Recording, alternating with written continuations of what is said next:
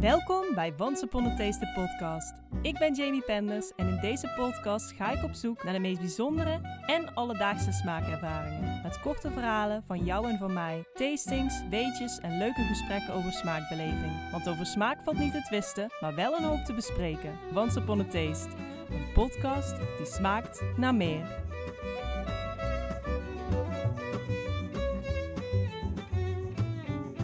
Merel en Ruud kochten samen een oude kerstbomenkwekerij en toverden deze om tot 5000 vierkante meter voedselbos. Niet met een toverstaf, maar met hun eigen handen in de aarde.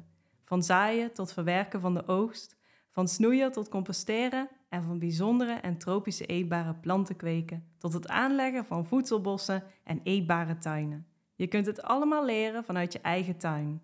Bij Moestuinadvies, de groene hulplijn. Merel en Ruud laten zien dat moestuinieren niet alleen voor pensionada's is.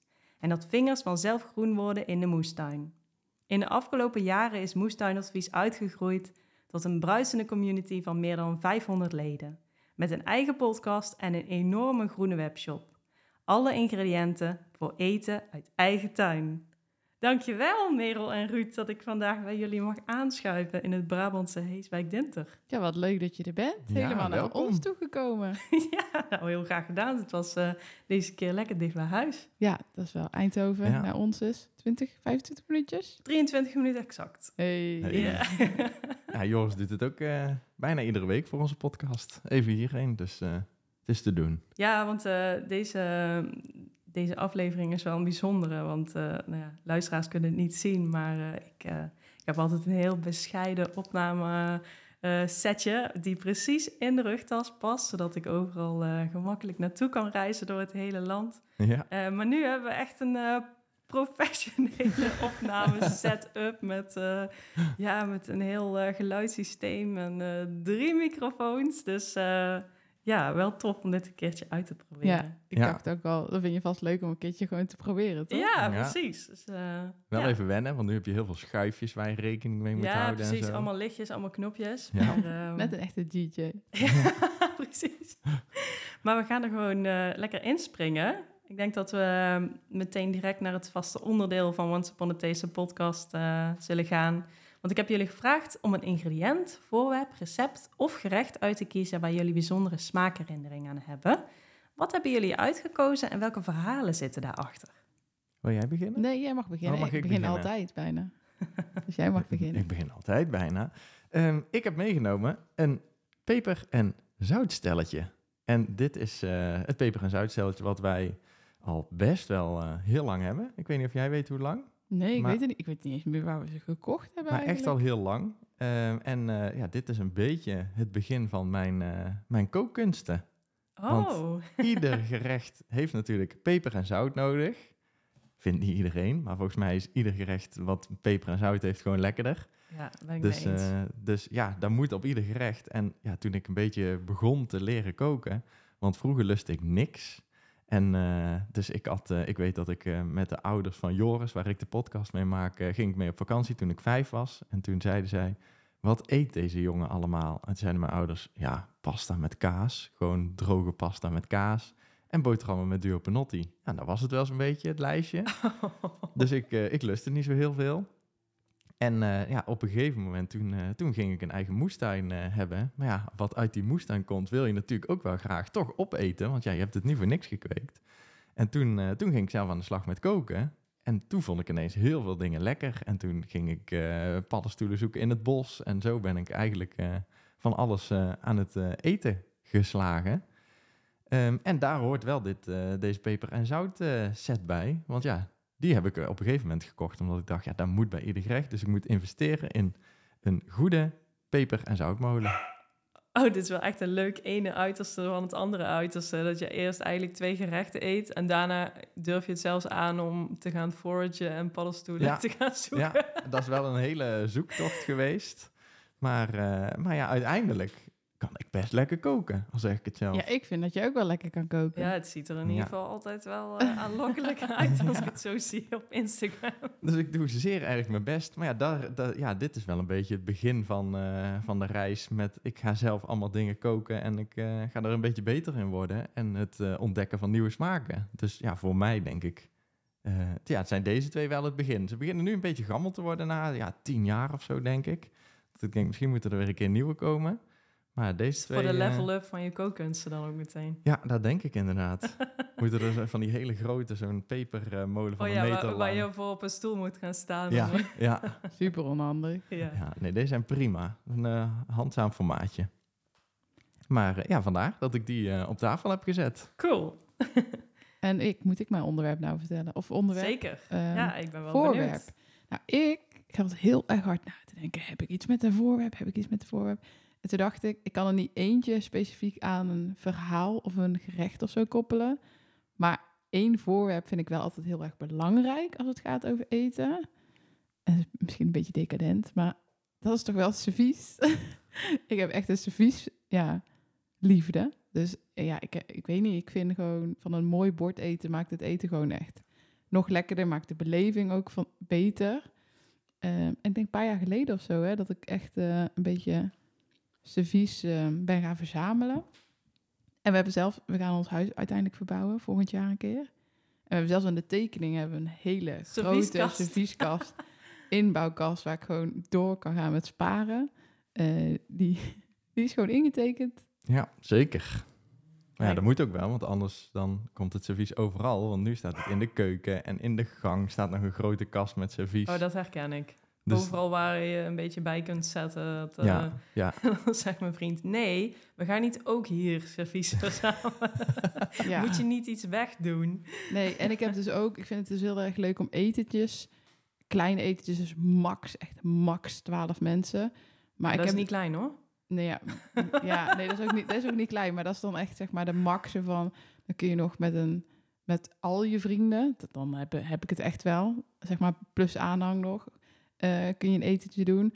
Of, ehm, ja, mijn moeder heeft bijvoorbeeld de laatste keer gevraagd, wil je het doen voor mij en de buren? Wil ze ook zeg maar indruk maken. Hmm. En zei ze, ja, jij hebt alles tot en met 12. Want dat is dus, als ik dus iets koop, dan heb ik altijd zoiets van, ja, maar 12 is mijn, is mijn getal, zeg maar. Ik moet alles 12 hebben, want anders kan ik het niet altijd gebruiken. Ja, ik snap hem. Ik vind Ja. het ook altijd heel leuk om te zien eh, hoe, hoe mooi je dan de tafels helemaal hebt gestyled. Ja, dat vind ik echt leuk, want ik kan, niet, Oh. ik kan niet koken.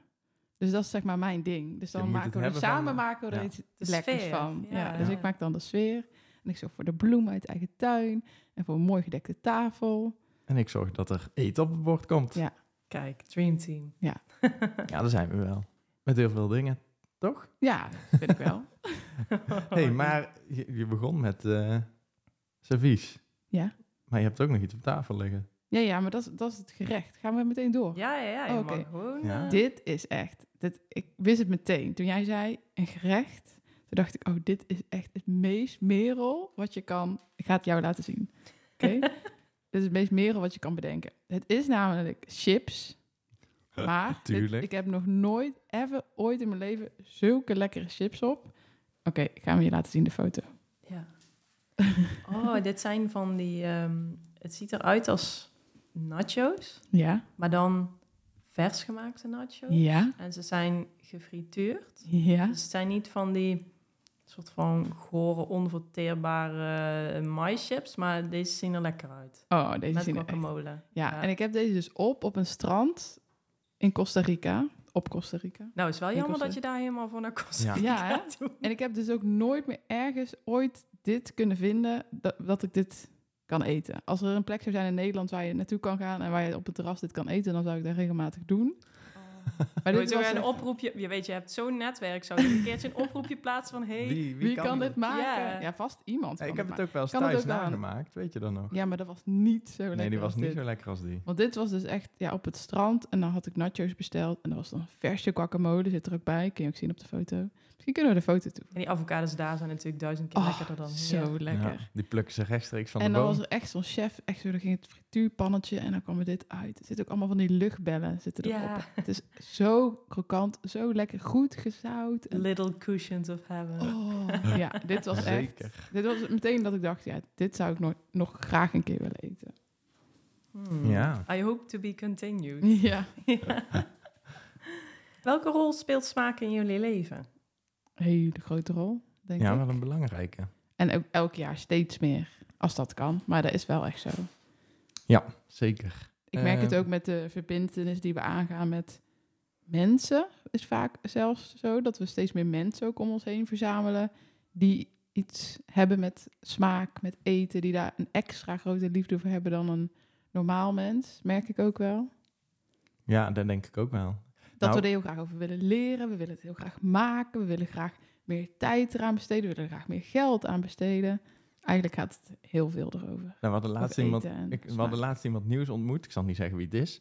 Maar Merels, een van Merels eerste vragen om die persoon te leren kennen was... Wat is je favoriete eten? Dus ja, maar dat is... Ja, ik moet hier nu meteen aan denken, omdat ik laatst een heel goed gesprek had met mijn vader en ik realiseerde me dat ik helemaal niet, ja, dat ik dat soort dingen helemaal niet van hem wist. Ja, Ja, En toen dacht ik, ja, ik was vorig jaar wel al een keertje achtergekomen wat zijn favoriete taart was, dat hij van rijstenvlaai hield. Toen dacht ik echt, oh, ja, dan ken je iemand pas echt. ja, ja. Ja. ja. Ja, Nou ja, het was dus heel geinig. We stonden dus... eh, het was echt zo'n persoon die leer... Ja, je moest diegene leren kennen. Ja, ik ik kan trouwens... ja, nee, ik kan het niet vertellen wie het is. En nee, zeg het maar niet. ehm, ik dacht gewoon van... Ja, ik ben best wel... Als ik iemand wil leren kennen, dan... eh, Je bent altijd heel nieuwsgierig. ja, ik ben heel nieuwsgierig. Dus ik wil echt wel weten wat je baan is. Net als een normale Nederlander vind ik echt wel leuk om te weten. Maar ik vind het veel leuker uit wat voor gezin kom je. Heb je broers? Heb je daar een goede relatie mee? Heb je zussen? dan ga je meteen echt een deep dive oh ja, ook. maar... De, No dat- small talk hoor Nee, je. Nee. kan ik echt niet. En dan denk en dan inderdaad, oké, wat is je lievelingsfilm? Eh, wat is, weet je wel, ook al die basisdingen wil ik wel weten. Maar een belangrijke vraag is wel, wat is je lievelingseten? Want dat zegt gewoon, vind Of ik. wat zou je eten op als, als laatste Nou, maaltijd? Dat was dus mijn vraag daarna. Maar je, ik, zei, ik vroeg dus aan, eh, aan deze persoon, wat is je lievelingseten? Ja, ja, weet ik niet. Ja, weet ik niet. Ja, ja, ik, eh, ja op zich alles wel lekker. Een ontbijt. En ik vroeg het nog drie keer, hè. En ik probeerde het een beetje grappig te vragen. En we, we maakten er een beetje een gimmick ding van. van eh, "Oh, zeg, ja, ik weet niet. Ik probeerde het een beetje luchtig te houden. Maar ik wilde wel serieus het antwoord weten. en het kwam er niet uit. En toen eh, dacht ik, nou, dan niet. Ging ik door naar de volgende vraag inderdaad. Maar als je nou je laatste dag op aarde is... en je mag één ontbijt kiezen... één keer middageten en één keer avondeten... wat zou je dan eten? En toen zei deze persoon... ja, zo'n eh, voor het ontbijt... ja, ehm, ja, zo'n shake, weet je wel, van eh, die, ja, toen verwees hij naar een persoon die we allebei gezamenlijk kennen, eh, die die persoon maakt, die, eh, Die ja, is wel lekker. die is wel lekker. Dat is echt, ja, maar dat was zo'n, ik weet, wist wel wat shake die had, maar dat was echt zo'n shake ehm, voor, voordat je gaat sporten. Oh, heet het? Zo'n proteïne. zo'n proteïne shake, ja, zoiets. En volgens mij was er nog wel iets aan toegevoegd. Maar in ieder geval, ik dacht echt van alles wat je kan kiezen, weet je wel. Croissantjes en jus d'orange en eitjes of sandwich met guacamole. Weet ik het. Je kan zoveel bedenken. Nou ja, ik snapte er helemaal niks van. Of ja, sommige mensen houden ook heel erg van, eh, eh, van die yoghurtbols of Oh ja, ja, ja, Ja. smoothie bowls. smoothie bowls. Smoothie bowl. Ja, of Smoothie eh, wat, ik, had, ik had het laatst voor het eerst op. Met dat speciale spulletje erin. Ah, eh, Acai. Acai. Nou ja, sommige mensen houden daarvan. Dat is ook een keuze. Maar ik zou altijd kiezen voor iets waar je kan eten, waar je op kan kouwen.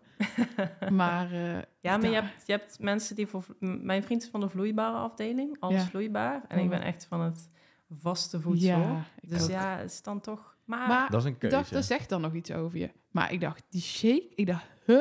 En toen ging ik dus op een gegeven moment ook vragen, een beetje al zo bevoordeeld van... eh, ja, Dus je vindt het ook, denk ik, niet echt leuk om zo, weet je wel, fine dining, vijf uur lang te tafelen met allemaal kleine gerechtjes en amuses en bijpassende wijnen. Nee, nee, daar maak je me echt niet blij mee. En toen dacht ik echt, oké, ja, dit, ja, ik vind het toch lastig. Ik laat het- maar. Ja, Ja. ik vind het lastig. Verder hoef ik niks over je te weten. Ja, Nee, heb, je- dat is heb, niet je- heb waar. je daar zelf wel een idee van, wat je laatste maaltijd zou zijn? Eh, nou, ik zou in ieder geval, ik zou uit eten gaan. Oké. Omdat als je thuis iets gaat maken, dan heb je, kun je toch niet zoveel verschillende smaken en structuren toevoegen als een kok die het bij een fine dining zeg maar heeft voorbereid en allemaal verschillende zakjes heeft liggen met smaakjes, zodat hij toefjes kan maken. Mm, Dus ik zou sowieso uit eten gaan, want dan ga je thuis gewoon in je keuken niet fixen. nee. En jij, Ruud? Ik zou ook sowieso uit eten gaan, want het eten wat een ander maakt is altijd lekkerder. Oh, nou ben ik niet helemaal mee eens, maar goed. Ja. Nou, niet altijd, Als je naar een goede maar als je gaat. weet Ja. dat iemand kan Ja. koken, is Ja, het bijna precies. altijd lekkerder. ja. Mhm. Ja. Eh, nee, ik zou niet bij mijn moeder gaan eten. Nee. per se. Nee, goed niet met mijn moeder. Het kan prima koken, maar het is niet het lekkerste, dat weet ik nu al. Ehm, dus nee, maar ik zou wel uit eten gaan, inderdaad. Maar ja, ik vind het wel een moeilijke keuze, wat, wat het dan zou moeten worden. Ik zou, ik zou niet zo heel makkelijk kunnen kiezen, maar ik denk iets uit de Italiaanse keuken. Hmm. Daar hou ik wel van. Mediterraans. Ja, ik hou gewoon van dat de Italianen koken met hele simpele... eh, de ingrediëntenlijst is heel simpel, heel kort vaak, maar wel hele goede ingrediënten. Ja, heel puur. Ja. Ja, dus dat vind ik wel altijd leuk aan de Italiaanse keuken. Je kan niet wegkomen met een, eh, met een iets minder kaasje, want dan wordt je hele gerecht minder. Ja, precies. Ik zie al allerlei handgebaren erbij in mijn hoofd. eh, Ja. Die de Italianen zouden maken. Ja, precies. Dus dat vind ik wel leuk. Dat ze vol passie goede ingrediënten gebruiken. Maar, maar mag ik de vraag dan terugstellen? Wat, ik eh, als ja, laatste Avondeten. avondmaal... Ik denk, misschien heb je die vraag al heel vaak beantwoord. Want ik heb Nee, dus ik vind expres het- nog niks teruggeluisterd van jouw podcast. Ga ik hierna pas doen. Ik vind dus het grappige dat heel veel vragen die ik dus ehm, heel vaak stel aan mijn gasten, soms gewoon elke aflevering, eh, die heb ik zelf ook nog niet beantwoord. Omdat ik zelf heel slecht kan kiezen. Ja, Ik ben heel slecht in keuzes maken. Ik heb altijd zoiets van, why choose when you can have it all? Eh, ik ben een beetje van alles of niks. Weet je, wel? als het dan niet allemaal kan, dan hoeft hoeft dan maar niks. niks. Dus eh, en daar ben ik dan ook tevreden mee hoor. Maar ehm, ik hou dus heel erg van bloemige, geurige ehm, ingrediënten. Dus zoals jasmijn, hop, musk, roos.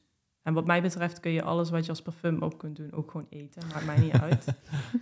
Ehm, Lavendel. Vind ik echt heel ja, raar. ja, ja, Ja. ik hou dat. Ik dus heb heel er nog nooit van. gehoord bij iemand. Ja, ik, ik hou Dat iemand dat van. specifiek zo van zichzelf kan benoemen. Ja, ik, ik ben wel heel erg gevoelig voor geur en voor... ehm, ja, bijvoorbeeld als je naar buiten gaat met een bepaald seizoen... of stel je gaat 's ochtends naar buiten in de zomer als het buiten koel is, die geur of zo. Ik proef dat bijna. Ja, of Mm. nadat het geregend heeft, zo die geur. Ja, dus ik denk dat het voor mij belangrijk zou zijn... die laatste avondmaaltijd, waar die plaatsvindt. Het liefst Oh. buiten. Onder een jasmijnen. Ja, ik heb dus, we hebben dus thuis een hangmat en die hangt onder zo'n pergola waar we dan ehm, druiven over hebben laten groeien. Mhm. En dat is wel echt, dat vind ik wel echt iets moois. Dan ruik je dus je omgeving en je voelt je omgeving. En eh, ik denk dat dat een vereiste is van de maaltijd en dat alles gewoon heel vers is. Ja. Maar ja, ik ben er nog niet aan uit. Dit eh, moet nog een soort van live question worden to be continued. En misschien verandert het nog wel als het echt het moment daar is. Ja, dat denk ik wel, ja. Ja, er zijn nog genoeg dingen die je vast nog nooit gegeten hebt. En misschien Ja. komen die dan wel boven aan de lijst te staan. Mij, mij vallen deze dingen eigenlijk ook wel achteraf altijd nog in. Dus deze houden jullie nog voor mij eh, te goed. Dat is goed. Ehm, maar eh, even over naar eh, helemaal iets anders. Mhm. Eh, Merel, jij bent helemaal van de afdeling bloemen. ja. En Ruud, jij noemt jezelf de moestuin-nerd. Ja, ja, Merel noemt mij meestal zo. ja, maar je bent dat ook gewoon. Waar komen jullie passie voor groen vandaan? Zijn jullie geboren met groene vingers? Nee. Mm, Merel zeker niet. Ik Nee. misschien wel.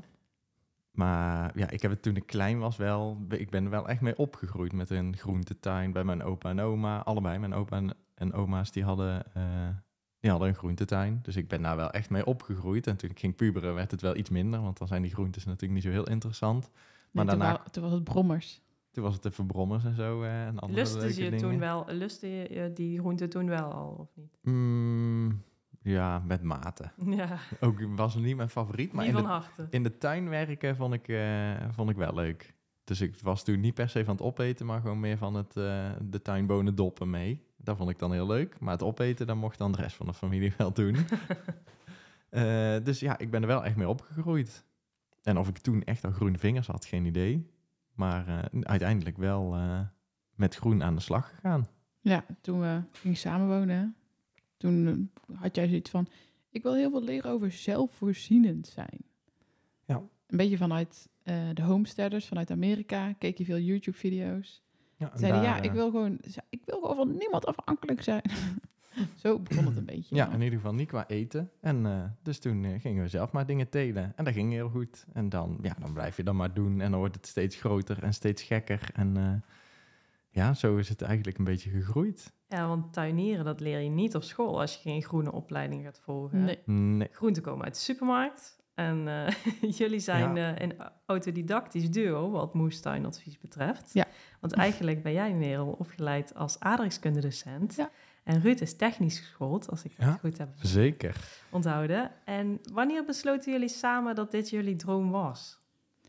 Oeh, ehm, Hmm. Dat is wel moeilijk, hè? ja, dat is Maar- wel moeilijk. Wanneer begonnen precies? Ik denk toen we, wij gingen heel jong samenwonen. Dus ik was 18, net klaar op de HAVO en ik ging uh, aardrijkskunde studeren. Toen kon ik eigenlijk kiezen of dat ik op kamers zou gaan.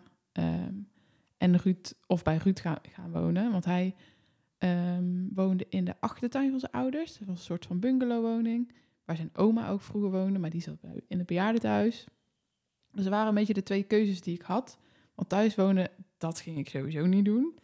En toen, ehm, ja, toen zeiden we we gaan het wel proberen. Als het niks is, dan ben ik altijd nog zo op kamers. Toen zei mijn moeder, die zei, eh, nou ja, als Merel dan op kamers gaat en ze gaat daar heel veel geld betalen en ze zit meer dan de helft van de week hier, ja, een beetje zonde van dat geld. Laten we dan gewoon hier komen wonen in het huisje.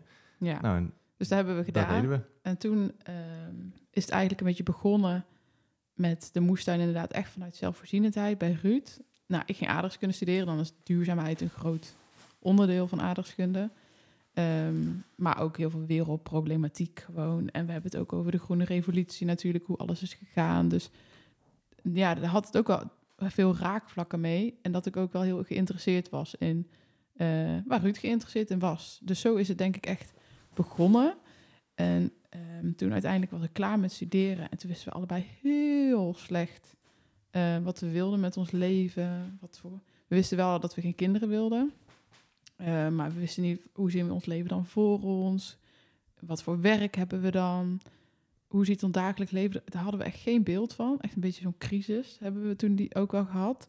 Maar één ding wisten we wel zeker is, we houden heel erg van vrijheid en van ruimte. Dus wij zijn allebei hebben wij de luxe gehad om op te groeien in een vrijstaand huis. Ehm, en toen op een gegeven moment gingen wij dus op zoek naar een huis in onze studie. En we wilden eerst sociale huur doen. Nou, mijn vader vond daar weer van alles van, want zonde, je geld weggooien, dat soort dingen. Dus toen uiteindelijk heeft hij ons een beetje gedwongen om uh, te gaan kijken naar koophuizen. En toen vroeg mijn moeder, Mere, wat is nou echt, jullie moeten samen even erover hebben, wat is echt, echt een eisenlijstje en wat is een wensenlijstje? En eigenlijk hadden wij... Uh, uh, heel veel. Eigenlijk hadden we heel weinig eisen, veel wensen. Ja. Maar we wilden eigenlijk gewoon heel graag ruimte en een vrijstaand huis. Dat als we om 12 uur s'nachts willen stofzuigen, dat dat geen probleem was. Dat als we vrienden wilden uitnodigen om met z'n allen te kamperen in de tuin, dat we vriendenweekend thuis konden doen. Dat, dat, dat was het eigenlijk. En toen vond jij best wel snel eigenlijk maar één geschikt huis in de hele omgeving. En dat was deze En daar zijn unit. we wezen kijken. We zijn nooit naar een ander huis wezen kijken. En daar, daar wonen we nu. Ja. Want komen jullie ook uit de buurt? Ja. ja, zeker. Ja. Ah, ja. Ruud is opgegroeid in een Dungen. Dus daar heb ik ook vijf jaar gewoond. Ja, mijn ouders wonen een kwartiertje ongeveer met de auto hier vandaan, van waar we nu wonen. En jij veel verder. Maar ja, je hebt uh, vijf jaar lang ook in de Dungen gewoond. Bij, uh, bij mijn ouders thuis in de tuin. Ja. Dus dit was maar een klein stukje eigenlijk. Ja. En we hebben dit dus ook gekocht. Uh, ja, dit had nog beslag op de schuur. Want de vorige, de, huur, de mensen die het huurden hiervoor, uh, die hadden er een wietplantage in geteeld. Dus er had nog beslag op van de politie. Dus die hebben ook nooit gezien voordat we het hadden gekocht. Nou ja, ik weet niet wat, ooit, uh, wat je ooit de foto's hebt gezien die we online wel eens hebben gedeeld. Maar Ja. ja, het is gewoon, het is een huis. Maar het, eigenlijk koop je gewoon grond. Hmm. En, er staat een huis om waar je wel in kan wonen. Waar je, maar waar je gewoon droog in kan wonen, maar daar is alles mee gezegd. Ons huis zit altijd onder de schimmel.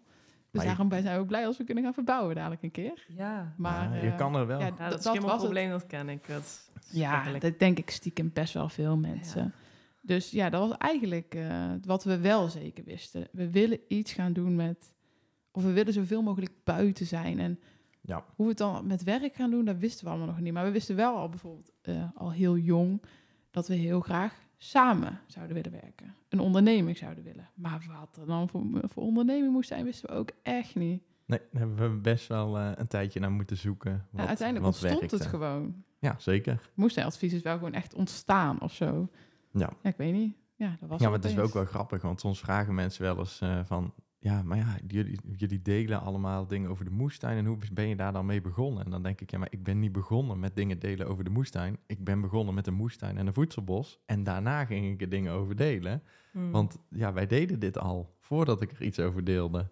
En ja, dus het, het, het, ja, wij, mensen zeggen ook altijd, ja, maar het ziet er zo echt uit. Ja, het is ook echt. het is ook echt. Want ik, ik stond Wij voor... spelen geen moestuintje. Nee, voordat ik Nee, twee... maar dat is natuurlijk, wij weten dat van sommige mensen wel, ook online, die best wel zichtbaar zijn. Sommigen spelen een soort van moestuintje. Oh. Maar dit is wel, dit is echt ons leven. Dit is onze levensstijl. Dit is wat wij elke dag doen. Dit Ja. is, Ik sta heus niet voor de lol om 11 uur s'avonds tomatensaus te maken. Nee, die moeten in wekpotten, want die wil ik in de winter opeten. En voordat ik er een foto van maakte, drie jaar geleden, stond ik daar ook al te doen. Ja, en dan Dus- vergeet je vaak, denk ik, nog vaak toch om een foto te Ja, maken. heel veel. Ik, ik in ieder geval wel. Ja, ik ook. Ik heb dat nu met de pod- podcast al vaak. Dan, oh ja, misschien had ik even... Een foto moeten Ja, maken. maar nee, ik- ja, ik, ik, ben, ik sta er dan niet bij stil. Ik ben al bezig met het gesprek. En dan eh, Ja, zo heb ik precies. dat ook met die werkzaamheden. Ja, zo gaat dat toch. Ja, en Dus, hoewel ja. jullie zelf een gigantische moestuin hebben, hoef je daar absoluut niet aan te meten. Want jullie zeggen altijd, één ding uit de moestuin eten is ook een moestuin. Ja, Zo is ja, het. dat is ook zo. Jullie moedigen startende moestuiniers aan om het klein en haalbaar te houden, want dan blijft het ook leuk.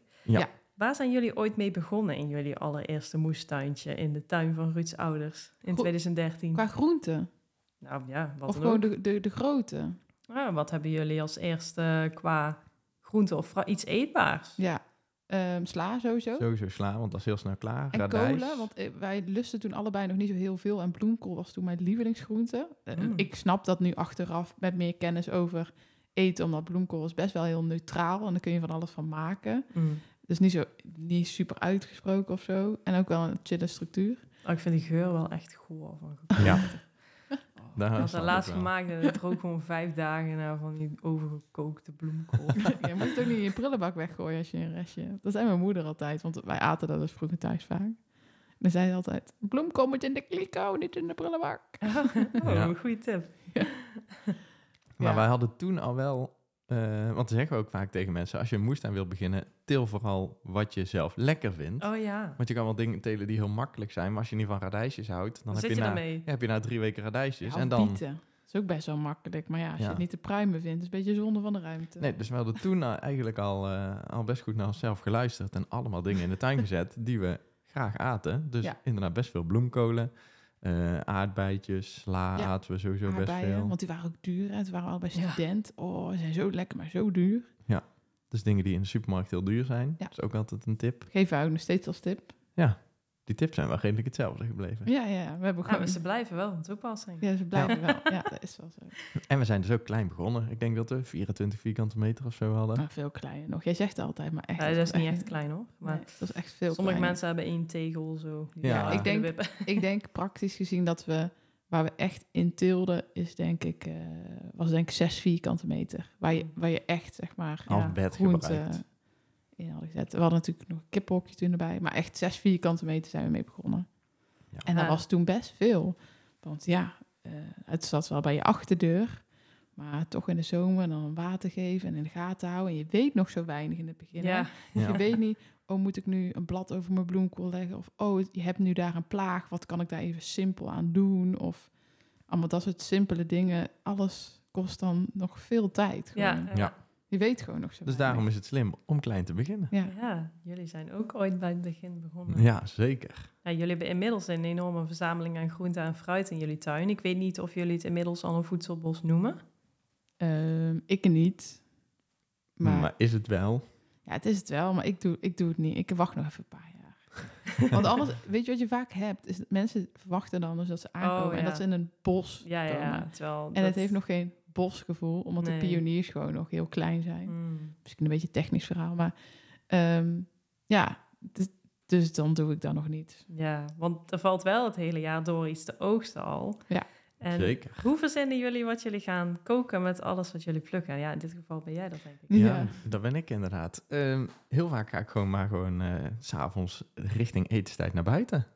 En dan ga ik zien wat er klaar is. En met sommige dingen weet ik natuurlijk wel van, oh, dan kijk ik al de week voordat eh, iets rijp is. Van, oeh, dit is bijna rijp, dus dan moet ik volgende week wel bedenken wat ik ermee ga maken. Maar meestal is het gewoon op de avond zelf, moet ik het doen met wat er is. En wat er dan klaar is. Nou, is wel grappig dat je, eh, dat je dat zegt. Want ik, ik was in de auto hier naartoe ineens aan het bedenken van... Ja, tegenwoordig is intuïtief eten helemaal een hype. Mhm. Ehm, maar ik dacht van ja, dat is eigenlijk best wel een welvaartsding. Want vroeger moest je het gewoon doen met wat je had. Ja, met wat je had. Ja, zeker. Met je intuïtief eten. ja, in dit geval is het ook gewoon van... hé, hey, wat, wat staat er nu... eh, Wat staat er? Ja, maar het is wel ook een andere manier van eten als je heel veel uit je moestuin wilt eten. Want ja, je kan wel een soort planning maken, maar de planning kan altijd mislopen natuurlijk. Met Ja. dat er iets niet op tijd klaar is of dat er toch een plaag is, eh, is langsgekomen. Eh, en ja, je kunt ook niet bedenken van ik wil vanavond per se dit. Want ja, als het niet in de tuin staat, dan heb je het niet. nee. Ik kan vandaag wel bedenken, ik wil per se tomaten eten. Maar verse tomaten hebben we nog niet. Maar wel Ja. uit de kast natuurlijk van vorig jaar nog. Hmm. Maar zo is het altijd eh, ja, een beetje kijken van wat is er ook. Dus het is wel een andere manier ook vaak van eten. Ja, ik denk dat jij helemaal niet zo bekend bent ook met intuïtief eten. Het is meer zo'n modern vrouwending of zo. Ehm, maar ik heb daar inderdaad ook altijd wel een beetje moeite mee. Omdat ik denk, ja, maar als ik intuïtief ga eten, dan, dat komt bij mij sowieso heel vaak niet goed. Want dan ga ik... Chips. Ja, Chips en kaas. want dan hou ik van altijd hartig. Terwijl, Mm. of, of dan weer van iets heel luxe als aardbei of zo. Terwijl ik denk, ja, dat, ja, dat gaat dan ook niet in mijn hoofd. Want dan denk ik, het is december. Hmm. Dus ja. eigenlijk, er zijn geen aardbeien. Ja, ja, uit het buitenland. Ja, maar die, Ja. die eet ik echt niet. Bespoten. Ik durf ze niet meer te eten uit Oh. Ik ben helemaal bang gemaakt. Mijn Door alle... schoonmoeder heeft een eh, hele grote moestuin. En doet alles ook zelf in haar eentje. En ehm, eh, ja, zij eh, heeft dan altijd aardbeien uit de tuin. En die zei, ja, je moet ze echt niet kopen, want eh, ze zijn heel vaak bespoten. En nu elke keer, bij mij wordt het dan zo'n soort van terugkerende gedachte. Elke keer is dan met de, hand, zie, met de hand naar de aardbeien gaan. dan, Dan, staat er, weet ik veel, wat voor ver land. En dan denk ik, oh nee, gif. Of ook misschien vaak Nederland. Oh nee, oh nee Ja. gif. Ja, ik kan zo niks meer Ja. eten. Ik heb daar maar heel veel dingen, maar goed. ik snap het. Ja. Ook Met heel veel dingen. Soms wil ik het ook gewoon allemaal liever dan niet ja, weten. precies. Dan Ja. heb Wel ik er geen headspace. eh, Ja. ja. ja, ik vind dat ook wel echt heel fijn. Dat we gewoon de tuin inlopen. En vaak vragen mensen dan, en spoel je eigenlijk je groentes nog af? Ja, als er zand, Zand aan zit, zit, wel. ja. Maar anders eigenlijk nooit. Dat is niet nodig, toch? Nee, want er zit niks op. Ja, En vooral met klein fruit ook. Heel veel mensen doen dan meteen alles wassen. Maar als je niet meteen op gaat eten, dan is het binnen een halve dag beschimmeld. ja, en wij wassen sowieso niks. Want ik pluk een framboos uit de tuin. En meestal gaat hij meteen Ja, ja. je mond, meteen je mond je in. mond Ja, dan hoef je nergens over na te denken van moet ik dit nog wassen? Of ik eet het gewoon meteen op. Ja. En uit welk seizoen komen jullie favoriete ingrediënten uit de tuin? Ehm, nou, ik denk gewoon augustus, september. Want dan komt het gewoon het meeste uit de tuin. Hmm. Dat is een beetje een saai antwoord, maar dat is, is, is wel zo. Augustus, september is gewoon primetime voor om te oogsten. Dan heb je gewoon volop bijna alles wat je zou willen eten. Gewoon appels, peren, klein fruit, tomaten, sla. Ja, echt bijna, Bijna alles wat je kan bedenken. Gewoon helemaal Hof van Eden. Ja. Ja, alleen, ja, je hebt alleen wat minder keuze qua kolen. Want die komen dan pas wel later. Maar kolen vind ik niet zo boeiend. Dus ja. Ik kan bijna bij iedere maand wel iets bedenken Hmm. wat mijn favoriet is die maand. Ja, maar weet- dat heeft ook zijn charme. Als het niet het hele jaar beschikbaar is, dan wordt het ineens zo van... Oh ja, Ja. bijvoorbeeld die... Ja. Ik had ehm madeleines meegenomen met fluoot erin. Mhm. En ik had een heel mooi kookboek en er stond een recept in voor ja, financiers met gebruinde boter en hazelnoot, eh, ehm, hazelnootmeel. Mhm. Ehm, en daar moesten dus pluoot op. Ja. Alleen die zijn maar een hele korte tijd altijd beschikbaar. Ja. En nu zag ik ze gisteren in de supermarkt. En ik had het meel al ergens gekocht in een Duitse supermarkt. Die had ik al klaar liggen, echt een half jaar al. toen dacht ik, yes! Toen eindelijk. kwam ik gisteren thuis en toen ben ik meteen die madeleines gaan maken, die financiers gaan maken. En daarna ben ik het avondeten gaan ja. ja. Ja, dat is wel ook lekker, vind ik altijd. In het voorjaar hebben we altijd heel veel zin in asperges, in de groene asperges. ja, ik wou er ook iets over zeggen. ja. En dan is het eh, twee, drie weken lang volle bak. Ja, praktisch iedere dag eten we dan wel asperges. Dus of met de lunch zo eh, een, een gegrilde groene asperge, of met het avondeten aspergesoepje of aspergerisotto. En dan na drie weken, dan kijken we elkaar wel echt aan van, ja, nu zijn we wel klaar met de asperges. Ja, je mag de rest de vriezer in. Ja, en dan vriezen we er nog de Ja. rest gewoon in. Maar dat is wel altijd ieder jaar hetzelfde. Dan heb je heel veel zin in iets. Ja, en en dan, dan daarna, oh, nou, Ja. vooral met courgette heb ik dat altijd. Ja, Ja, ik, heb, ja, ik vind het dus leuk, want ik volg dus nou sinds een tijdje Veggie Lan op Instagram. Oh ja, En zij eh kookt dus vega, maar ook heel veel vegan als optie elke keer. Dus dat is ideaal. En ehm, zij had, eh, ehm, even kijken, in het najaar of zo, had ze echt heel veel recepten online gegooid met pompoen. En toen weet ik nog met, ah shit man, ik heb te weinig pompoenen gekweekt. want ik kan dit nou niet al allemaal op. maken met pompoenen uit eigen tuin, want ze zijn allemaal al op. En toen had ik op een gegeven moment het besef, toen asperges kwamen, toen hadden we volop asperges uit eigen tuin en toen deelden ze heel veel recepten met asperges. Toen dacht ik, yes, ik heb dit. En toen kreeg ik meteen zo'n Eureka-momentje dat ik dacht, oh, maar in het najaar baalde ik van de pompoenen. En toen ben ik meteen naar buiten gegaan om meer pompoenen te zijn, want toen dacht ik, dadelijk gaat Vegilene, gaat dadelijk weer in september. alle dingen over Ja, en pompoenen gaat- en in delen. oktober, dan komen er weer heel veel recepten met pompoen. En dan baal ik weer dat ik niet genoeg pompoen heb gezaaid. Ja, dus nu Ja. staan er ook weer heel veel extra pompoenen. ze maakt wel echt lekkere dingen inderdaad. Ja. Dus, eh, ja. Oké, tof. En ehm Ruud, hebt een speciale passie voor hele bijzondere vruchtensoorten, zoals bijvoorbeeld de pauwpauw. Zeker. Kun je daar iets meer over vertellen? Welke bijzondere groenten en fruit staan er dit seizoen in jullie tuin? Ja, dus het alle bijzondere soorten zijn bijna allemaal vaste planten. Dus die staan er gewoon ieder jaar opnieuw. Die eh, komen gewoon weer, eh, weer teruggegroeid. Dus dat is ook heel Dat is handig. het prettigste, ja. vinden wij zelf ook het meest makkelijke. Dus de moestuin is gewoon omdat we dat leuk vinden om ieder jaar weer opnieuw te zaaien. En omdat er ook lekkere dingen uitkomen. Maar het- voor het gemak is, eh, is de vaste plant toch wel eh, veel fijner. Ja, en ik heb ze pas allemaal een nummer gegeven en gelabeld. Want eh, anders dan moest ik allemaal een naamkaartje ieder jaar schrijven. Want ja, op een gegeven moment dan verweren die weer en dan kun je ze niet meer lezen. Dus nu hebben we alle bomen een nummer gekregen. Dus ik zit volgens mij op 218 verschillende bomen en struiken. En dat zijn dan niet eens zeg maar eh, de hele kleine plantjes. Dus dat zijn echt de grote bomen en struiken die echt vruchten geven, zoals de appels en de peren. En dus ook de pauwpauw bijvoorbeeld. Maar er zitten wel een paar dubbele tussen. Ja, maar er zijn dan wel verschillende cultivars. Ja, dat is waar. En wat is een pauwpauw? Een pauwpauw is een, ja, een soort grote vrucht. Het lijkt een beetje op een mango als het aan de boom hangt, een kleine mango. Eh, ja, zo smaakt hij ook een beetje. Tropisch. Dus Oh. banaan, mango, ananas. En groeien die heel goed in het Nederlandse klimaat? Ja, die groeien hier heel goed. Want ze komen uit Noord-Amerika. De, een beetje dezelfde breedtegraad als Nederland ligt. Dus eh, ja, daar, daar doen ze het ook prima. En hier eh, groeien ze dus eigenlijk net zo goed als ze daar groeien. Maar nou moet niet iedereen denken, ik ga een pauwpauw planten. Want het is niet zo zoals als een appel of een perenboom. Dat je die nu koopt en dat je hem nu plant. En dat je volgend jaar de eerste appels en Het duurt een aantal jaar. peren... Het duurt wel even. Het duurt wel even. Ja, zeker. En er zijn heel veel rassen en heel Ze veel zijn soorten. heel duur. En ze zijn inderdaad best duur. en volgens mij hebben wij er een stuk of tien verschillende of zo in de tuin staan. Tien verschillende pauwpauws. Ja, tien verschillende soorten. Dus de ene is groter en de andere is kleiner. Ja, hij wil alles hebben. Dit is soort van ja, po- meta-postzegelverzameling. Ja, het is Eh, gewoon een verzameling. Ja, Ja, zeker. soms zeggen mensen ook, maar Ruud, ik heb nou iets gezien. Mijn moeder doet dat bijvoorbeeld. Die was vorig jaar in Spanje en toen stuurde ze op een gegeven moment een vruchtje door, oranje, klein. Lijkt een beetje op een loquat. Ja, dat was En- een loquat. Oh, was het Het een lijkt op een kumquat. Het lijkt Dat op een kumquat. Oh ja. Ja.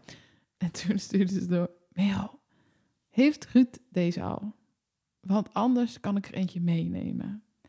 En ik ga naar Ruud. En Ruud zo, ja, die heb ik al. En die gooit zo meteen de Latijnse naam. En mijn moeder dacht, shit, nu dacht ik echt dat ik er een had. Dat heeft ze al een paar keer gehad. En ook vriendinnen, eh Saskia heeft het ook een keer gehad. Mijn buurman heeft een eh, puntje, puntje, puntje. Eh, en hij vraagt of dat je daar zaad van wil.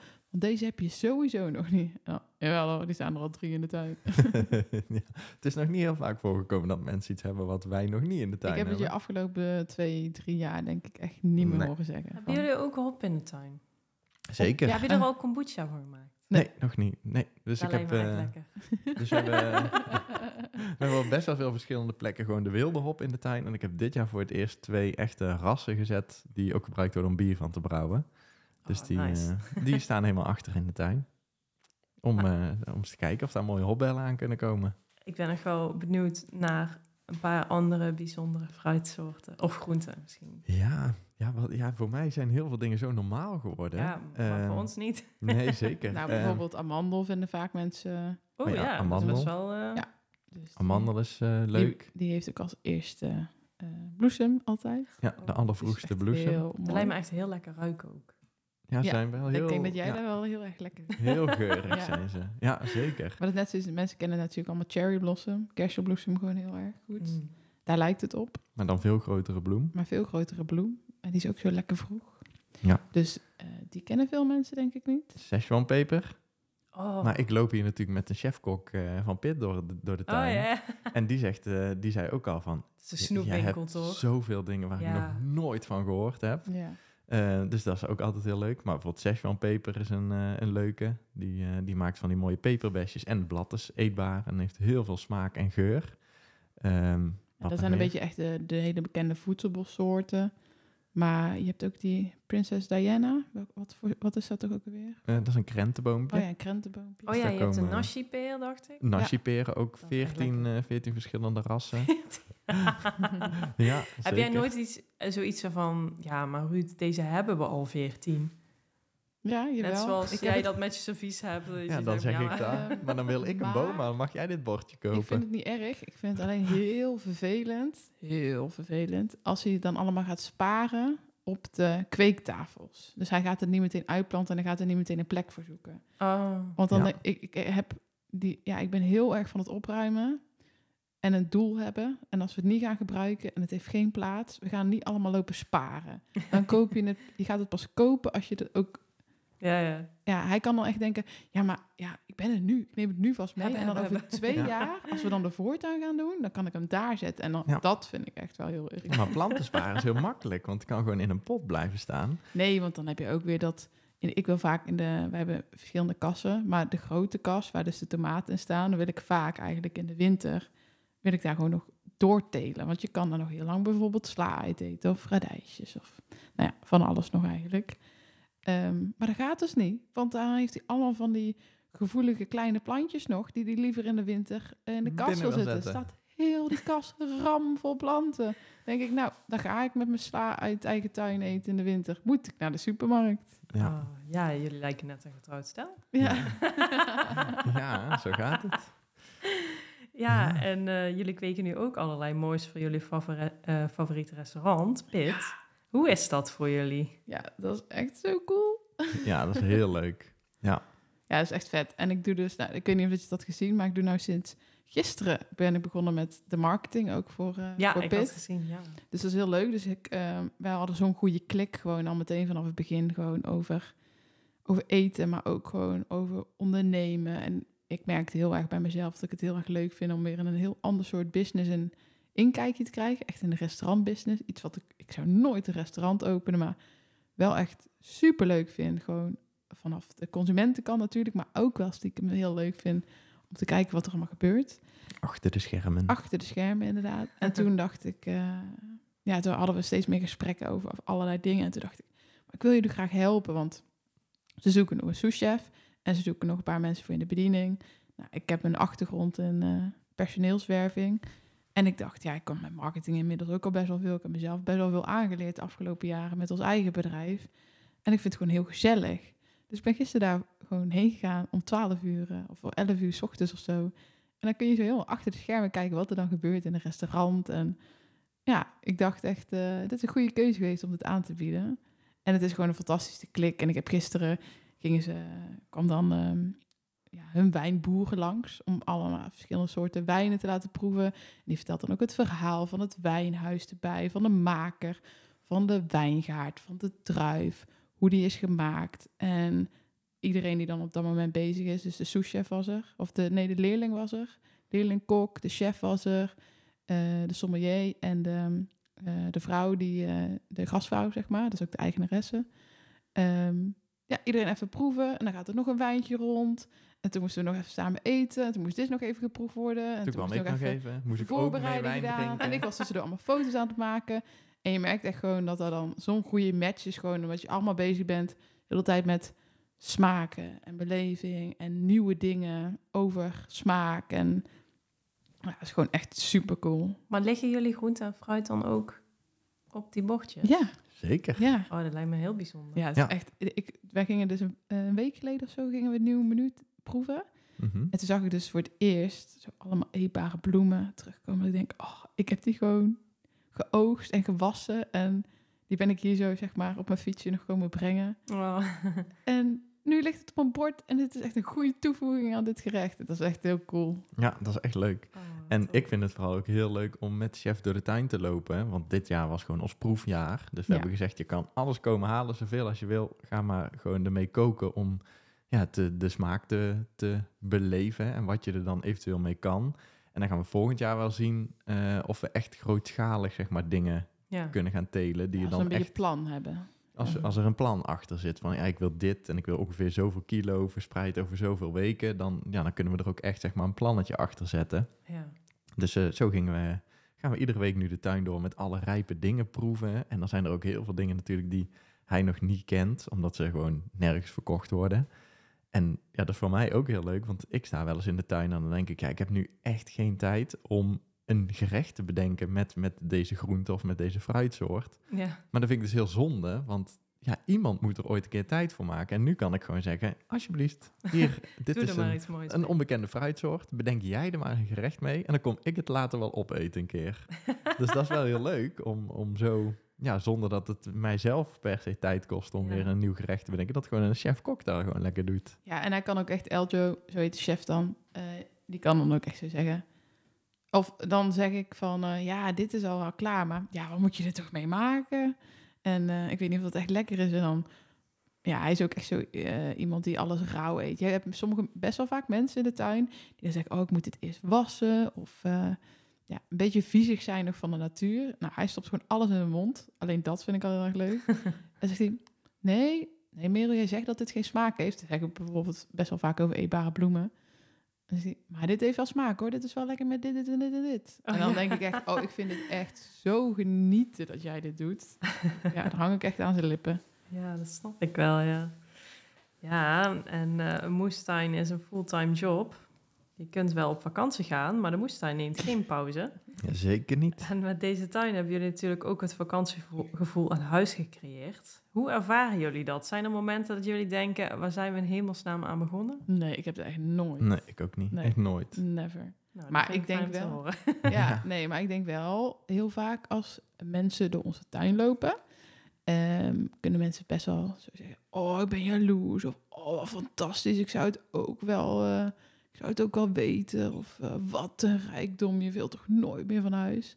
ik wil dat ook. En eh, nou, dat soort kreten. En dan denk ik wel vaak ehm, dat mensen het heel erg romantiseren in hun hoofd. Dat ze Ja, echt absoluut. niet weten waar ze aan beginnen. En ik, ja, dat, Hoe- dat vind ik dan soms wel. Ja, Ja. dat vind ik dan soms wel een beetje. Ja, ook wel ehm, grappig. Vind ja, ik het grappig, wel. maar ik vind het soms ook wel een beetje suf en ik wil ze dan wel altijd behoeden. Dus ik kan dan best wel reageren met ja, maar. En dat is niet omdat ik het niet leuk vind, maar gewoon omdat ik zie het dan heel, helemaal voor me dat iemand zo zijn baan opzegt. En dan Ja. weet je wel, echt gewoon uiteindelijk is je allerduurste aankoop als je een huis is toch echt een huis kopen in je leven, als, als dat jou gegund is. Ehm, ja, en dan weet je wel, echt alles overboord gooien en dan zoiets zouden kopen. En dan beginnen ze eraan en dan denken ze, oh, maar ik weet nog heel veel dingen niet. Of ik heb hier eigenlijk niet tijd voor, want ik heb toch nog, ik moet toch nog 36 uur in de week werken op kantoor. En ik heb Ja, ook nog drie je kinderen rondlopen. deceptie, ja. Ik heb ook nog drie kinderen rondlopen en ik wil ook nog een leuke, eh, leuke partner zijn en een leuke dochter en een leuke vriendin en ik wil nog goed sporten en, en dan kijk, kijk, dat gaat allemaal niet. Nee. Wij laten er wel ontzettend veel voor. Ja, om die tuin te doen. En ik vind het nooit erg. Maar ik heb ook wel eens dat ik denk, ik zou nu heel graag even iets anders willen doen. ik zou nu even mijn eh, watchlist op YouTube af willen kijken, zeg maar, met dingen die ik ook nog eh, nieuwe ideeën voor de tuin heb. En dan denk ik, ja, maar dat gaat gewoon niet, want ik moet nog de tomatendief en ik moet nog dit doen en ik moet nog dat doen en ik moet nog koken. En ja, er is altijd een, een ongoing lijstje, zeg maar, wat je nog kunt doen. En de- Ja. Die lijst houdt nooit op. Nee. En ja, dat is prima als je het dus heel leuk vindt. Maar ja, ik, heb er een, ik werk nooit met tegenzin in de tuin. Maar ik eh, kan me wel voorstellen dat het niet voor iedereen is weggelegd. Nee, dat snap ik Nee. wel, ja. Ik denk dat mensen gewoon vaak niet doorhebben. Daar komt het eigenlijk op neer dat we er ook heel veel voor laten en dat dat bij je moet passen. Ja, want ehm, eh, dat wilde ik net gaan vragen. Jullie hebben een enorm bijzonder leven voor jezelf gecreëerd. Ehm, ja, wat brengt dat allemaal ehm, in positieve zin? Maar ja, wat komt er ook bij kijken wat misschien minder romantisch is? Wat jullie er misschien voor laten? Mm, nou, ik denk, eh, als ik voor mezelf spreek, mag ik daar natuurlijk daar zelf zeggen, Yes. eh, is alles wat ik ervoor moet laten, is voor mij niet negatief. Maar ik denk voor veel mensen wel negatief. Ik denk dat dat het grote verschil is. Ja, daar ben ik het mee eens. Oh, ja. ja, dus ik word er heel gelukkig van. En voor mij voelt het niet alsof ik er veel voor moet laten. Maar ik moet er wel veel voor laten in de zin van... Wat andere mensen wel graag zouden doen. Ja, ik weet gewoon dat heel veel mensen ook andere dingen heel belangrijk vinden. En ik heb gewoon ooit bedacht dat ik dat niet belangrijk vind. En als andere mensen daar iets van vinden, dat ze daar dan maar lekker iets van moeten vinden. Mm. Dus dan heb ik het bijvoorbeeld over sociale contacten of zo. Oh, ja. Ja, daar hebben wij gewoon niet heel veel. Ehm, ik ben, ja, ik, weet je wel, we hebben onze vrienden en familie. Dat is een hele kleine selecte club. Ehm, maar die zien we echt niet wekelijks. En ook niet, al, we hebben, we, ik, laatst hadden we een keer een marathon. Toen kwamen we toch wel weer achter dat we sommigen lang niet hadden gezien. Dan hebben we drie of vier dagen en dan hebben we iedereen iedereen, gezien. eventjes gezien. Mm. Ehm, want we vinden het allemaal wel heel erg belangrijk, maar zeker nou in de zomer. Ja, ik heb ook van tevoren aangekondigd. ehm, als je ons wil zien, moet je echt naar ons komen. En niet als we niet leuk vinden, maar we zijn gewoon echt even. ja. eh, We zitten gewoon lekker in onze eigen bubbel met onze fantastische tuin. ja. En eh, lekker oogst verwerken. En aan de cursus oogst verwerken die we dan dus hebben, ook daaraan werken. En foto's maken. En, ja, ik weet niet. Ik denk dat we daar wel heel erg hebben losgelaten dat je dan nog dingen moet of zo. Mm, ja. Ja, Eh, Ja, we zijn dat gewoon... doen we eigenlijk bijna niet. Nee, ik kan gewoon echt mezelf de hele dag vermaken hier thuis. Zonder dat ik daar iemand anders voor nodig heb of iets voor nodig heb. En dat is altijd wel heel lekker. Maar ik merk ook wel dat ik daardoor snel vergeet dat er ook nog zeg maar een buitenwereld is. Ja, ja. Omdat je gewoon, ja, dan ben je heel de tijd bezig. En denk je, oh ja, dit nog even doen, dit nog. Oh, het is al elf uur s'avonds. Oh ja, dan gaan we maar weer naar bed. En dan de volgende dag loopt eigenlijk weer precies hetzelfde. Ja, want jij, jullie kunnen wel echt heel jullie planning zelf indelen. Ja. Ja. klopt. Daarom kan ik ook, sommige de- mensen denken nu bijvoorbeeld ook, maar Merel, eh, hoe kun je nou de marketing van Pit dan nog doen? Ja, omdat ik heb gezegd, hey, als ik tijd heb, kom ik even binnengelopen en dan maak ik filmpjes. En eh, ik kan dit bij wijze van om 11 uur s'avonds, als ik eh, zin heb, terwijl ik op de bank la- lang uit lig, kan ik die editen. Mhm. En dan heb ik daar ook zin in. Ja, precies. Dat doe je omdat je er eh, energie van krijgt. Ja, ik vind het Ja. gewoon heel erg leuk om dat te doen, om dat soort dingen te maken. Ja, maar we hebben wel vaak ook een vreemde planning. Want jij ging bijvoorbeeld vorige week, ging, ging Merel om eh, half elf of zo naar bed. Toen was ik nog in de tuin bezig. En toen kwam ik binnen met, met aalbessen. En toen dacht ik, ja, ik kan ze eigenlijk nu nog wel gewoon allemaal inmaken. En dat heb ik toen niet gedaan, omdat ik dacht... Omdat we nog een logeerhond hadden. En ik dacht, dan lopen en de honden nog rond. En ik ben nog herrie aan het maken. Misschien kan Merel dan niet slapen. Maar normaal zou ik gewoon dan prima nog al die aalbessen gaan verwerken. En dan wordt Nou, het jij misschien... weet ook wel dat ik prima kan slapen, maar je dacht gewoon, misschien is dit gewoon niet de beste Niet. levenskeuze. Nee, maar, nee, maar normaal zou ik best wel tot één of twee uur s'nachts gewoon die dingen in gaan maken. Mm. En Ja. ja. dat kan gewoon. Ja, En dan kun je wel gewoon lekker doorgaan met een project en het even afronden. dan en dan slaap kan je je, de volgende dag gewoon wat langer. ja, slaap je iets langer uit. En dan kun je volgende dag gewoon weer een nieuw project oppakken.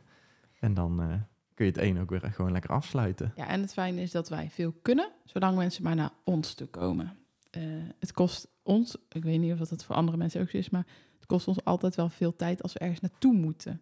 Want Mm. dan moet je En hier- energie. Dan moet je je aan, ja, ja, allebei. Dan moet je je aankleden. En Waar moet je dan naartoe? En dan moet je daar parkeren. En dan moet je daar nog even zijn. Dan moet je terug naar huis. En als je thuis bent, moet je weer even een soort van afschakelen van dat je daar was. Terwijl als alles thuis is, dan, Dan hebben we er weinig last het van. lekker heel de dag in elkaar over. Zonder, Ja. Dat is moeiteloos of zo. Dus ja, en dan... En we hebben geen kinderen. Dat scheelt echt heel ja, dat veel. scheelt Ja. ook. Ik zou niet weten hoe je het erbij zou doen. Ja, ze aan het werk zetten op een gegeven moment. Maar Ja, Ja, ik- hier, moet, hier moet onkruid gewied worden. Succes. Ik kom over een uur kijken of je klaar bent. Ja, ik bedoel, als ik een goede dag heb, dan kan ik om acht uur s ochtends beginnen. En dan om tien uur s'avonds plof ik op de bank. En dan heb ik alleen maar dingen gedaan die ik en leuk vind. En nog stimulerend zijn voor mijn bedrijf. Want dat vloeit ook in elkaar over. Ja. Mhm. Dus ja. Ja, en tenieren is ook werken met de wetten van de natuur. En Ja. daar kan je in veel opzichten aan aanpassen of op anticiperen. Maar er zijn ook momenten geweest in jullie moestuin... Of ja, dat is eigenlijk meer een vraag. Zijn er momenten geweest in jullie moestuin... dat de moed jullie een beetje in de schoenen zakte? En hoe gaan jullie daarmee om? Heb je ooit een moeite in je schoenen gehad? Mm, Ik niet per ja, ik se, denk het niet, anders had Nee, ik ik dat wel ik meteen geweten. Ja. Het is een oogst of zo die compleet mislukt of een plaag. Ja, nou ja, dat is, jawel, dat is wel, is gebeurd. Maar dan niet dat je denkt, goh, Hoort erbij. Ja. ja, dan, ja, dat is wel eh, echt onze instelling. Iets anders lukt dan wel weer. Dat is ook het idee van het voedselbos. Ik zag afgelopen week ook weer allemaal paniek op Insta en op Facebook. die Want. Nee, er kwam Oh. storm aan. Oh, ja. Ja, ik denk dan echt, ja, er komt storm aan. En als dan de tomaten omknakken, dan knakken ze om. En dan groeien ze daarna wel weer terug. Of niet. En dan hebben we nog tomaten in de kas. Ja, ik bedoel, je kocht ze van tevoren in de supermarkt. Ja, Ja. dan kun je altijd nog ja, want ik heb er zo'n hele blog over geschreven. Over dat mensen het altijd heel eng vinden om te gaan moestanieren. En daar eindig ik ook met, wat is nou het ergste dat er kan gebeuren? Dat je alsnog naar de supermarkt moet?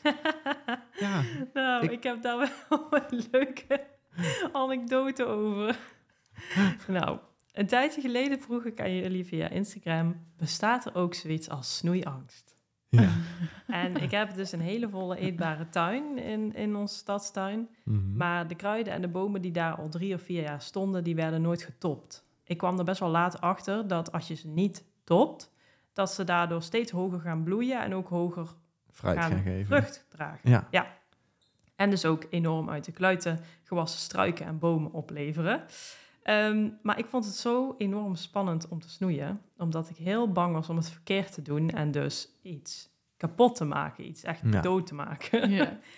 En die angst die bleek uiteindelijk ook grond. Want ik heb dit voorjaar dus al mijn kruiden vermoord. En onze perzikboom en vijgenboom veel te ver ingekocht. Omdat ik er dus met mijn ladder gewoon niet meer bij kwam. Ja. En waarschijnlijk ook op het verkeerde moment. Want ja, het vriezen is steeds elke keer een beetje ja, ja, het was dit jaar nog gekke eh, momenten. heel nat en nog een keer Ja. een late nachtvorst. En ik vond het zo erg. Ik heb heel weinig met eh, huisdieren voor mezelf. Mhm. Maar mijn bomen zijn echt met baby's. En ik, ik heb er echt om gehuild. Oh. Het is best wel gemakkelijk om je tuin vol te zetten met mooie en lekkere planten. Maar Ja. om goed voor ze te zorgen en ze te onderhouden, dat kan soms best wel een uitdaging Ja, zijn. Dat is een tweede inderdaad. Omdat het geen algemene kennis is. Ja. Maar, Maar- gelukkig, Ja, ik vraag me nu af, heb je onze cursus snoeien gedaan? nee, ik ben er altijd heel eigenwijs. Oh. Ik ga het eerst zelf proberen. Ik denk Ja. al, want als je dit hebt gedaan dan, met onze cursus, dan moeten we echt iets... Dan Nee, dit komt dus gedaan. niet, dat wil ik dus gaan zeggen. Ja, nou ja, eh, gelukkig komt Moestuinadvies to the rescue. Jullie hebben ook- ook een snoeicursus in jullie assortiment. Ja, zeker. Jullie kunnen natuurlijk niet alles verklappen, maar zijn er wel meest gemaakte fouten op het gebied van snoeien? Mm, Ja, nou, je kan sowieso, ik zou alles willen vertellen hoor, hier over de cursus, maar Het is nog snoeien is uitgebreid. echt iets wat je moet zien. Daarom is het ook een Ja. cursus met videocursus. video's. Maar ik denk dat de belangrijkste tip is eh, dat je zo snel mogelijk van je snoeiangst moet afkomen. Want hoe langer je wacht, hoe Eh. dikker alle takken zijn Ja. en hoe erger het dus uit de klauwen loopt. Ja, mijn boom was zo, die takken waren al zo dik geworden. Ja. En die is in een korte tijd, zeg maar het laatste jaar, zeg maar voordat ik ging snoeien, werd die stam ook zo dik. En ik kon Ja. er dus, ik ben zelf maar 1,67 meter. En dan ga je op een hele grote ladder staan. En dan nog met zo'n uitklap eh eh, Schaar. snoeischaar. En- En dan kan je er nog eigenlijk niet bij. Nee, want heel veel mensen zetten dan een boom in een tuin en dan denken ze, nou, die staat er. Ga ik eerst eens tien jaar wachten en dan ga ik snoeien. Terwijl je moet eigenlijk gewoon meteen vanaf het jaar dat hij er staat, die boom begeleiden in een mooie vorm. Ja. En dan hoef je maar heel weinig te snoeien. Dan hoef je af en toe maar een paar takjes weg te knippen van die hele kleine takjes, want dan geef je de boom als sturing. Ja. En dan kun je hem laten groeien in de vorm die je wilt. En dan hoef je dus maar heel weinig te snoeien. Alleen als je dus inderdaad snoeiangst hebt, dat is eigenlijk het, het grootste probleem van veel mensen, dat ze gewoon niet durven te snoeien. En dan als het eigenlijk te laat is, dan moeten er dus hele grote takken uit. En daar wordt die boom niet heel blij van. Ik ga wat tips geven. Want ik ben een leek eigenlijk. Want ik heb leren snoeien door de cameravrouw te zijn van de snoeicursus. Ik kon ook niet snoeien. Ehm, sowieso, de eerste paar, nou laten we zeggen, als je een boompje koopt van een paar van 50 centimeter, de eerste jaren hoef je bijna niet te snoeien. Ehm, dan is het echt het gestel, dus de vorm bepalen. Maar als je de eerste jaren niet snoeit, niks aan de hand. Het gaat echt over ehm, bomen die al een stuk ouder zijn, zoals jouw boom, of als je een fruitboomgaard overneemt, of dat soort bomen. Dan is het belangrijk om eh, lucht is belangrijk erin te creëren, als je dat maar onthoudt. Ehm, wat vaak mensen fout doen, is dat ze een tak knippen halverwege. Een tak Oh ja. knip je af bij de stam. Dus als je zeg maar een Je eigenlijk... hoofdstam hebt en je hebt dan een tak eraan, dan zitten vaak aan die tak ook nog Ja. takjes. En die knip je dus niet halverwege af, maar die knip je tegen, zeg maar, een soort van weer de hoofdstam af. Je Ja, knipt- ik- je dit, knipt- dit, dit, dit moet je dus. dus zien, Dit ja, ja. dus Je knipt eigenlijk gewoon altijd een hele tak, tak weg. af. Nooit, een, halve. tak, een hele tak knip je weg. Ja.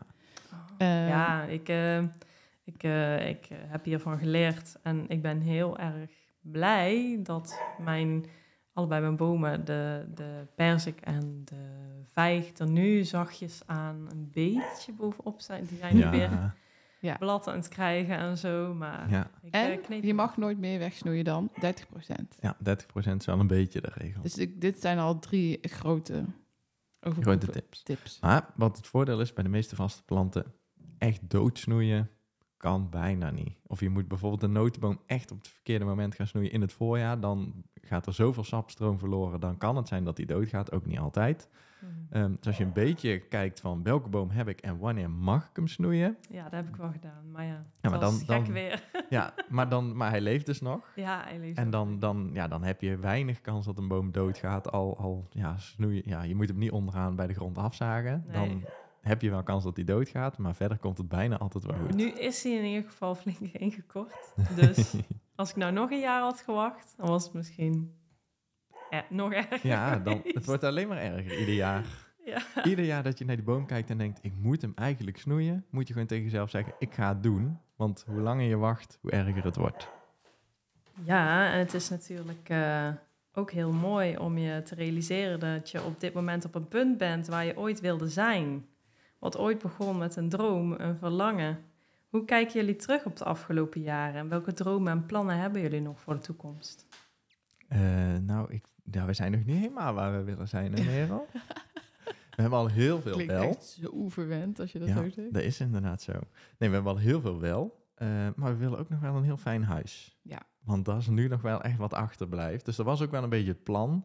We kopen dit, eh, dit huis, nou vooral eigenlijk de grond, zodat we vast kunnen beginnen aan de tuin. En dan komt het huis wel. Maar afgelopen winter zaten wij hier met z'n tweeën met eh 6 graden. Want we wilden absoluut niet eh, alle kosten aan het, aan het gas uitgeven. En toen hadden we wel echt zoiets van, ja, maar nu is het toch wel voor het klaar na vijf, zes jaar in, in, deze, in de ellende gewoond te hebben. Zijn we wel echt klaar om te gaan verbouwen. Dus daar kijken we wel echt heel erg naar uit, hè? Ja, zeker. Dat we dadelijk eh, gewoon een lekkere keuken hebben om de oogst in te kunnen verwerken. En een lekker huis in de winter om ook nog gewoon fatsoenlijk te kunnen werken. En waar ik ook heel veel zin in heb, dat we gewoon de oogst nog beter kunnen bewaren. Want nu moeten sommige dingen ook echt in wekpotten. Want als we pompoenen, het lukt wel, best een tijd om ze gewoon op de plank te leggen. Maar omdat het huis gewoon zo slecht is en zoveel schimmel, ja, trekt het uiteindelijk ook op, eh, op het eten. En dat is gewoon Oh, zonde. Ja, dat is inderdaad wel zonde. Daar ben je Dus, alles eh, voor niks aan doen. Ja, dus heel veel dingen moeten we nu ook echt, zeg maar, eh, ja, op de goede manier bewaren. Dus bloem doen we bijna altijd in glazen potten. Omdat als we die gewoon in een, in een zak in de kelder zetten, in de winter gaat gewoon die bloem in een zak schimmelen. Oh, ja. Dus uiteindelijk is dat gewoon heel erg irritant als je dingen wil bewaren. Afgelopen jaar had ik eh, een deel van de kastanjes van de boom had ik, ver- wilde ik verwerken tot meel. Dus ik had ze Oh. al allemaal gekookt en netjes ingesneden en gepeld. En toen had ik een deel toch net één dag te lang laten staan. En er zit er meteen schimmel op.